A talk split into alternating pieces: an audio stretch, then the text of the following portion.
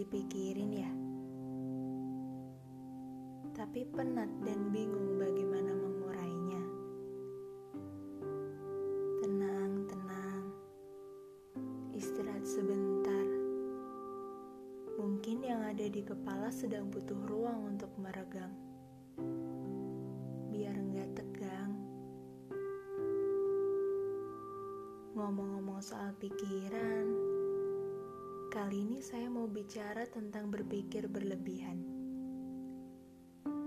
Iya, overthinking kalau orang sering bilang. Berpikir tentang hal-hal lain yang sebenarnya nggak perlu terlalu dirisaukan. Berpikir tentang hal-hal lain yang sebenarnya ketika dipikirkan justru membuat kita ketakutan dan berujung pada diri yang hilang keberanian hingga suatu hal tak jadi dilakukan. Hmm, mengenaskan. Mungkin sebagian orang sudah sering melakukannya. Tentu saja saya salah satunya. Kadang sudah mencoba dan berusaha untuk tidak terlalu memikirkannya tapi tetap saja kepikiran pada ujungnya. Semacam sudah menjadi kebiasaan yang mengerikan, dan itu yang selalu saya coba singkirkan. Apalagi kalau hal yang akan dilakukan adalah untuk pertama kalinya. Wah, makin menjadi saja apa-apa yang dipikirkan berawal dari keinginan untuk tidak berbuat hal yang mengecewakan, lalu terbesit pikiran bagaimana caranya semua bisa berjalan sesuai apa yang direncanakan. Lalu, apa yang bisa saya tambahkan supaya menghasilkan sesuatu yang lebih mengesankan? Lalu, bagaimana bila apa yang sudah saya beri atau lakukan justru tidak sesuai harapan? Lalu bagaimana bila orang-orang tidak bisa menerima dan malah memberi beribu kritikan? Lalu apakah sebaiknya saya tidak jadi melakukan saja? Aduh, sia-sia bukan? Mirisnya, manusia sering terjebak dengan pikiran mereka sendiri. Kalau teman saya bilang, Sebenarnya pikiran kita sendiri yang rumit, yang membuat keadaan jadi terkesan sulit. Ada benarnya juga, padahal kemampuannya sudah ada, rencananya sudah tersedia, tekadnya sudah hampir sempurna, tapi gak guna kalau gak ada eksekusinya. Semua cuma ada di kepala, akhirnya dibiarkan begitu saja. Perasaan gugup, ragu, takut salah karena ingin memberikan yang terbaik itu wajar. Tapi kalau sampai membuat gak percaya diri itu gak benar. Setiap orang hebat, setiap orang yang mumpuni di bidangnya sekalipun pasti memulainya dengan langkah pertama. Yang kadang bisa langsung berhasil, kadang juga bisa gagal, salah, dan bikin kecewa. Tapi gak apa-apa. Makanya itu dinamakan langkah pertama. Bisa dibilang masih bisa termaafkan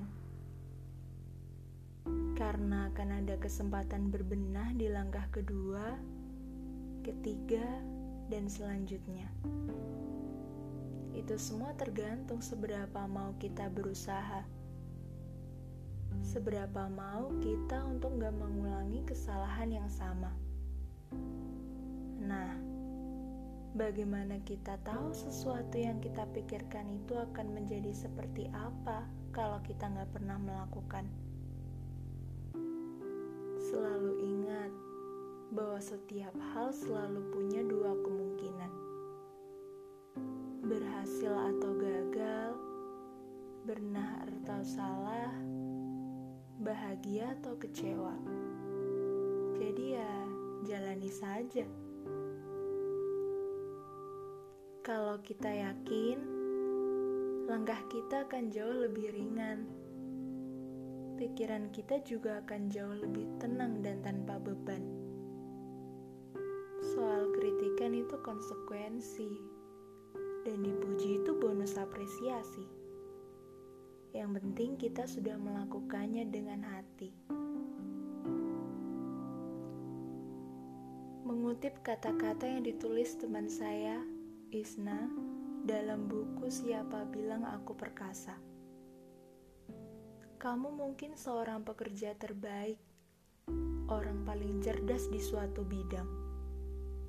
Tetapi jika kamu tidak membuat orang lain tahu bakatmu, mereka tidak akan pernah menghubungi dan meminta bantuanmu.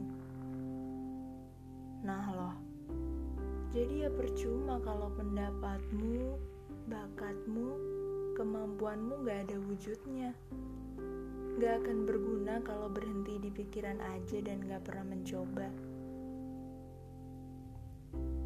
Dan beruntungnya kali ini saya sudah bisa melewati fase kelam itu. Hehe. Jujur, seumur hidup saya selalu overthinking. Saya sadar saya begitu. Saya sadar gak boleh seperti itu. Tapi tetap saja berpikiran begitu. Aduh gak paham lagi.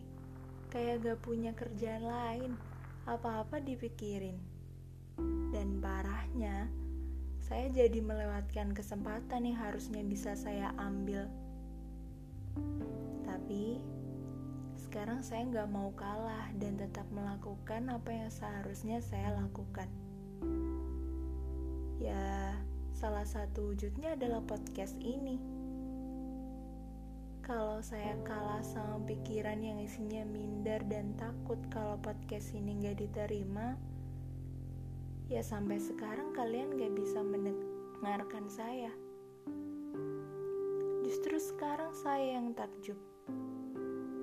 Saya gak pernah mengira podcast ini banyak didengar. Dan gak cuma satu dua. Gak cuma sama temen deket saya tapi melebihi ekspektasi saya. Sekali lagi, saya membuktikan bahwa berpikir berlebihan itu nggak ada gunanya.